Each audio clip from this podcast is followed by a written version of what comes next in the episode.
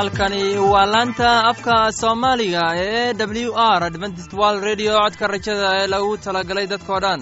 Anigoo ah maxamed waxaan idin leeyahay dhegaysi wanaagsan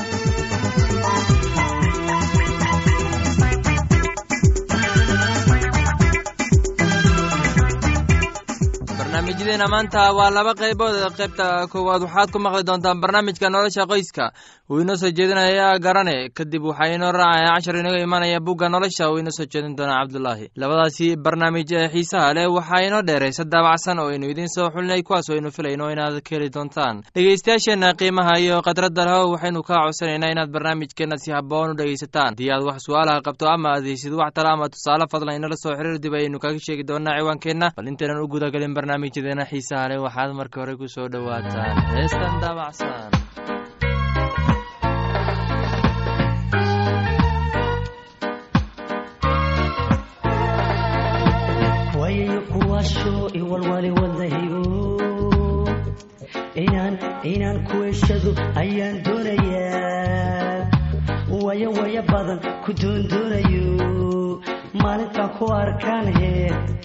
waxaan idhi wow wow wow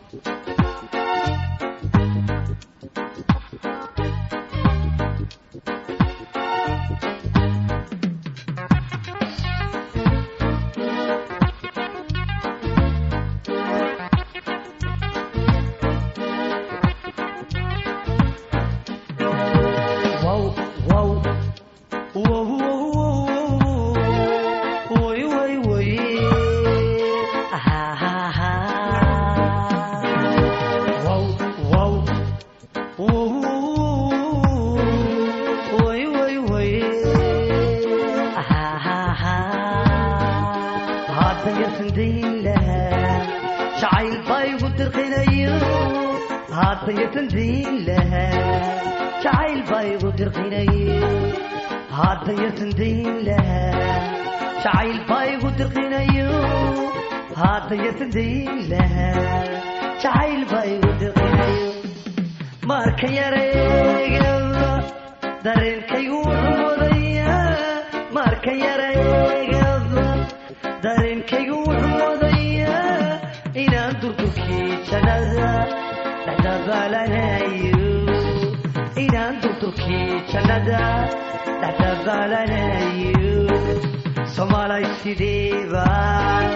soomaalay sideebaan ugu dulqaata ugu dulqaata soomaalay sidee sidee soomaalay sideebaan ugu dulqaata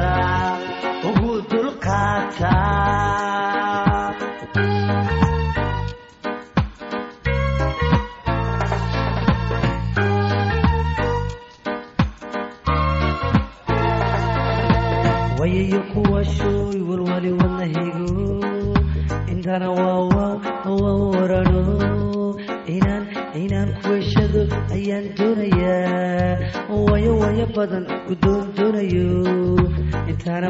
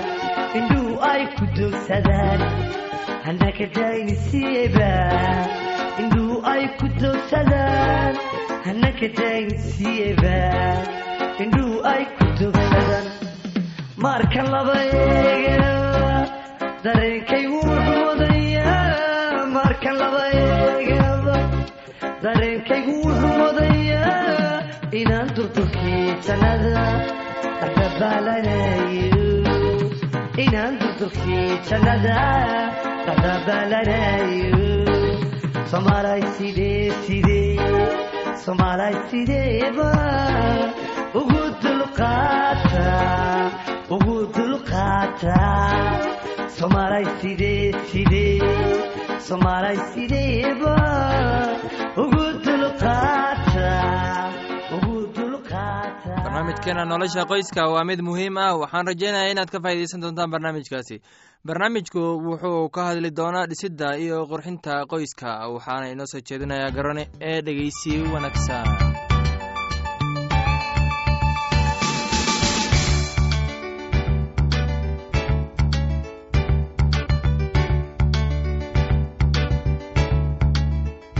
dhegaystayaasheenna sharafta lahow waxaad ku soo dhowaataan barnaamijkeenna nolosha qoyska. Barnaamijkan waxaynu kaga hadli doonaa dhisidda iyo qurxinta gurigaaga sideed guriga u dhistaa oo aad u samaysaa qurxinta gurigaaga. Dhisidda guryaha haddii loogu talagalay shaqo bulsho ama meel lagu hoydo waxaa loo baahan yahay dhaqaalayn iyo ka taxadarin si loo helo hawo wanaagsan shucaaca qorraxdu oo ku filan guriga iyo meel biyaha wasaqtu maraan. Intii la kari karo waa in guryaha loogu talagalay hoyga laga dhisaa meel waxoogaa taag ah oo ay biyuhu ku qulquli karaan. Tan iyada ah waxay hubinaysaa oo ay oggolaanaysaa dhulka inuu qalalnaado arrintan dadku si fudud ayay u qaataan. Jirro joogto ah cudurro khatar ah iyo dhimasho ayaa waxaa sababaa guryaha oo laga sameeyo meel sheeb ah ama hoosaysa oo biyo biyo qulquli karaan ama meel dooxa ah. Marka guriga la dhisaayo waxaa khaasatan muhiim ah in hawada si toos ah guriga ugu soo dhacayso. Una leeyahay shucaac qorax oo ku filan. Guriga waa inay dabasha si fiican u soo geli karto oo qol walba oo ka mid ah guriga uu lahaado nuur ku filan. Qololka la seexdo waa in loo hagaajiyaa hab ay hawada ugu dhex wareegi karto. Qol waliba maalin iyo habeenba ma lahaan qol ku wanaagsan in la seexdo haddii aanan maalintii loo furin dabasha iyo shucaaca qorraxdu. Hadduu gurigu leeyahay baaxad ay ku yaalin geedo gaagaaban iyo geedo ubax ah oo wax yar u jira guriga waxay reerka u keenaysaa farxad. Haddii dhirtaasi si fiican loo habeeyo oo la dhaqaaleeyo wax dhibaato ah uma keenayso caafimaadka. Laakiin geedaha waaweyn ee hooska leh iyo kuwa gaagaaban ee isku cufan ee ku wareegsan guriga waxay keenaan caafimaad darro maadaama ay celinayaan dabayshii guriga soo geli lahayd iyo shucaaca qorraxda. Ilaah waxa uu jecel yahay quruxda waxa uu dhulka iyo samadaba ku daahay qurux wuxuuna jecel yahay inuu arko dadkiisa oo ku faraxsan wixii uu sameeyey. Waxa uu inaga waxa uu inaga doonayaa inaynu guryaheenna ku xidhno waxyaalaha qurxoon ee dabiiciga ah. Hu u malaynin in qiyaamo yar tahay inay gurigaga ku qurxiso waxyaalaha dabiiciga ah. Dhammaan dadka ku nool waddanka in yar ma ahee inkasta oo ay faqiir yihiin.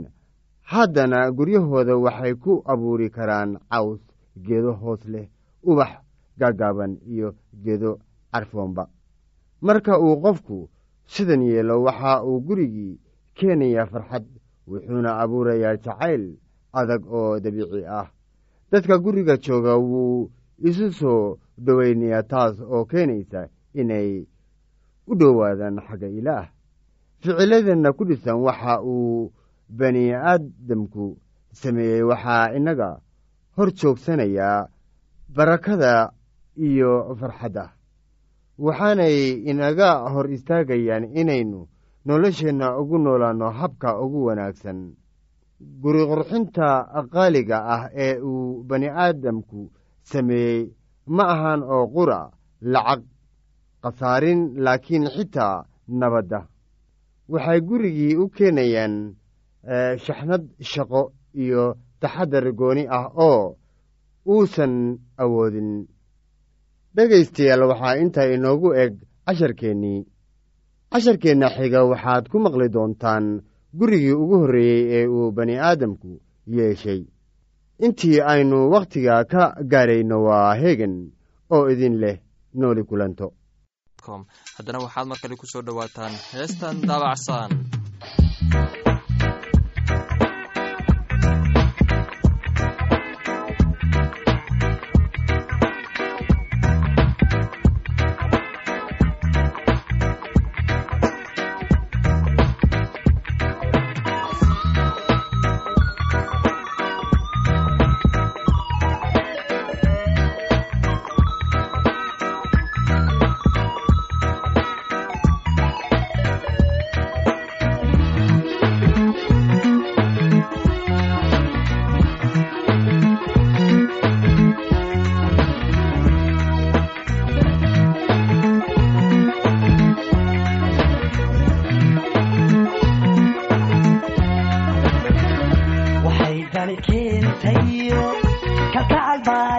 buuko dadiyo dunyaba ka go'ay waxbaa darisii noqdee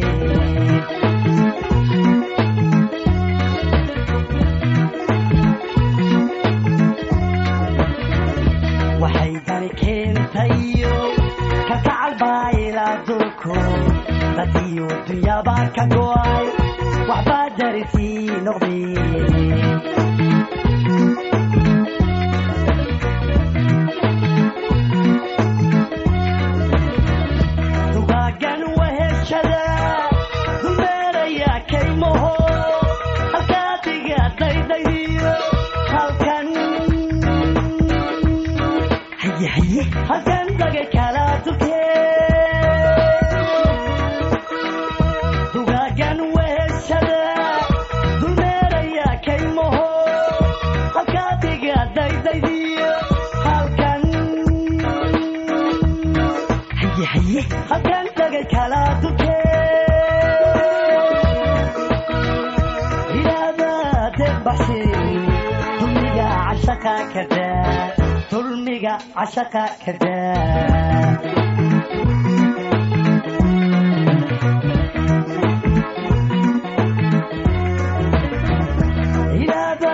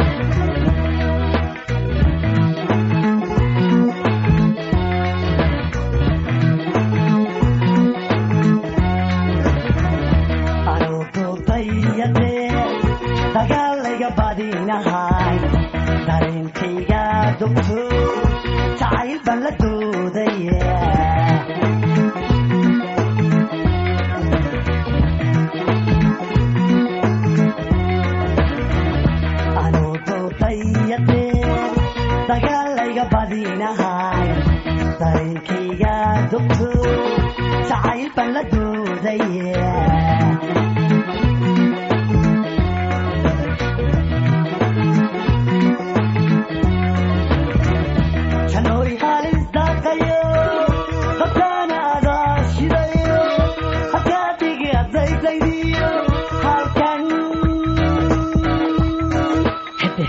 Okay.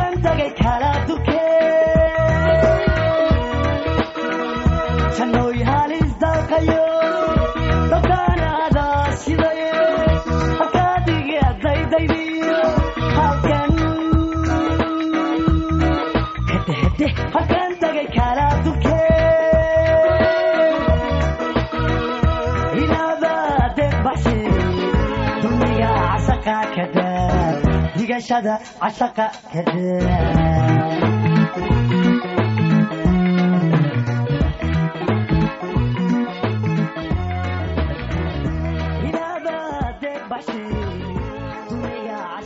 waxaan filayaa inaad ka hesheen heestaasi haddana waxaad ku soo dhowaataan casharkeenna inaga imaanaya bugga nolosha casharkeenna wuxuu ku saabsan yahay sarakicidda kuwa dhinte waxaana inoo soo jeedinayaa cabdulaahi ee dhegeysi wacaan The words of Prophet Isaiah erayada nebi Isaaya rasuul Matayos wuxuu qoray goortii aroortii la gaadhay wadaaddadii sare iyo waayeeladii dadka oo dhan ayaa ciise wax gees ah ka wada hadlay si ay u dilaan.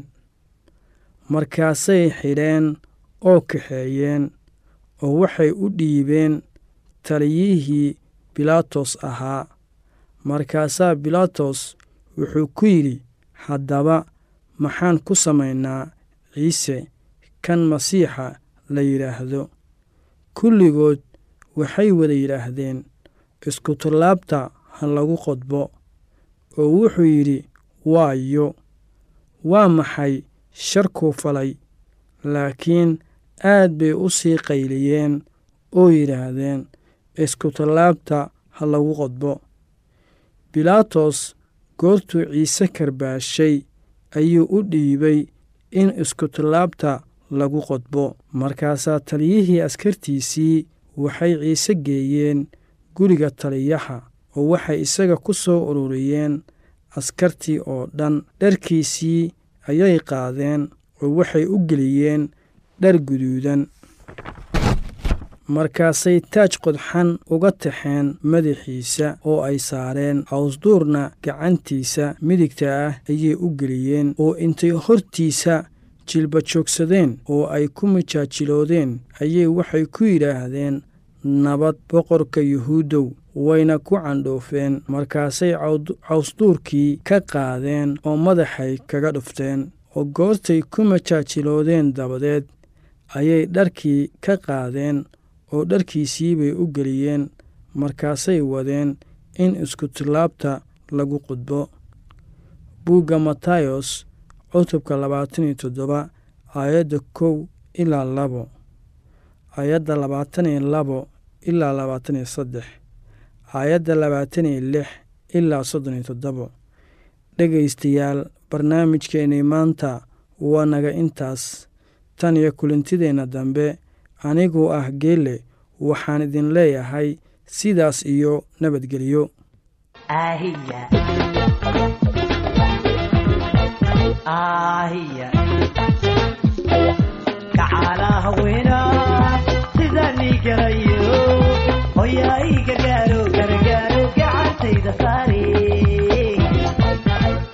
ahiya ahiya kacaala haweena sidani galayo hoyaay gargaaro gargaaro gacantayda saare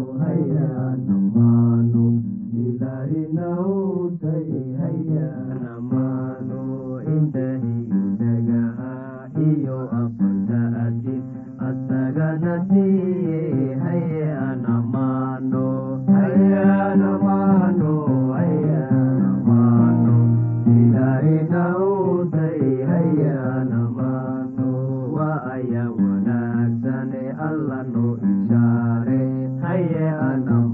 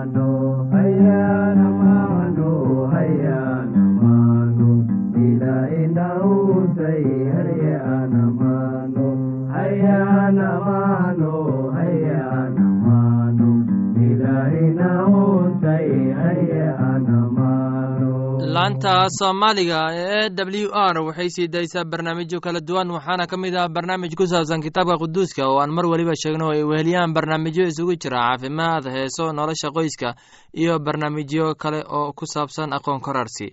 Casharkaasi inaga yimid bugga nolosha ayaynu ku soo gogoweyneynaa barnaamijyadeena maanta. Halkaad inagala socoteen waa laanta afka soomaaliga ee codka rajada ee loogu talagalay dadka oo dhan haddaba haddii aad doonayso in aad wax ka kororsato barnaamijka caafimaadka barnaamijka nolosha qoyska ama aad doonayso inaad wax ka barato bugga nolosha fadlan inala soo xiriir ciwaankeenna waa codka rajada sanduuqa boostada afar laba laba todoba lix nairobi kenya. Mar labaad ciwaankeenna waa codka rajada sanduuqa boostada afar laba laba todoba lix nairobi kenya. Waxaa kaloo inagala soo xiriiri kartaan emeilka somali e w r at yahu dt com. Mar labaad imeilku waa somali e w r at yahu dt com. Dhegeystayaasheenna qiimaha iyo khadradda lahow meel kasta aad joogtaan. Intaa mar kale hawada dib ugu kulmayno. Anigoo ah maxamed waxaan idin leeyahay sidaas iyo nabadgelyo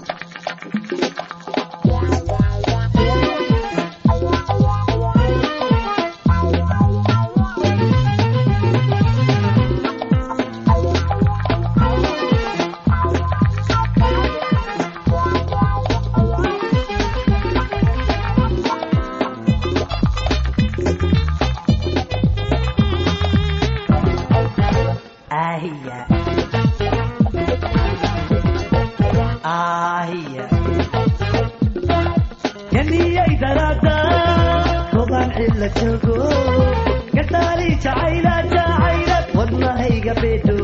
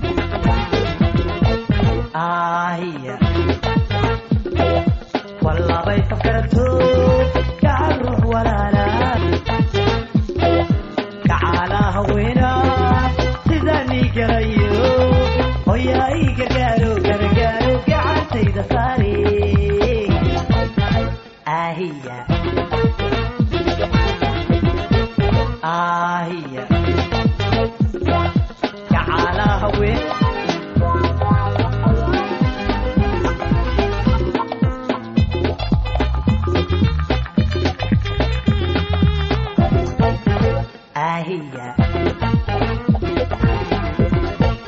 ahia adiga galaydo hadhow garaadro tamaada garayo garayo sidii diiga munki kawarkayga garsi garsi hoy kabatan gaclooday